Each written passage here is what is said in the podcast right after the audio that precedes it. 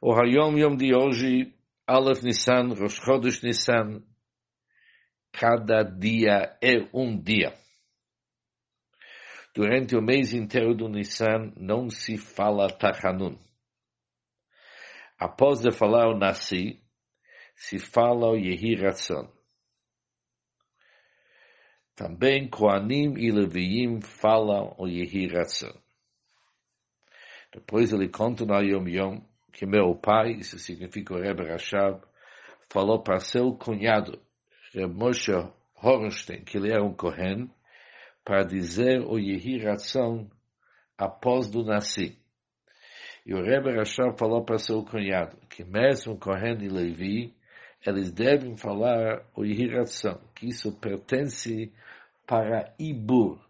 Ibur significa gravidez. Explicação desse Hayom Yom Ibur significa gravidez. No Kabbalah, gravidez significa que os órgãos da pessoa, da criança, ainda não estão bem definidos. Quando falamos de iração, durante essa iração, após o nascer, se fala se eu sou de tal e tal chefe, tribo. Por isso,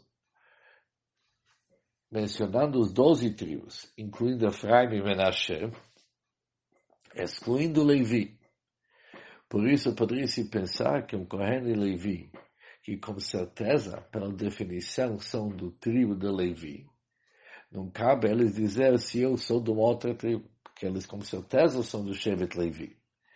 Mas há um conceito chamado Ibur, que é o estado inicial de todas as almas, onde que há uma certa coexistência entre as almas, e por isso o Kohen não é totalmente diferente daquele dos outros tribos de Israel, por isso se fala se anime Shevet mesmo, se eu sou de outra tribo mesmo, Kohen e Levi.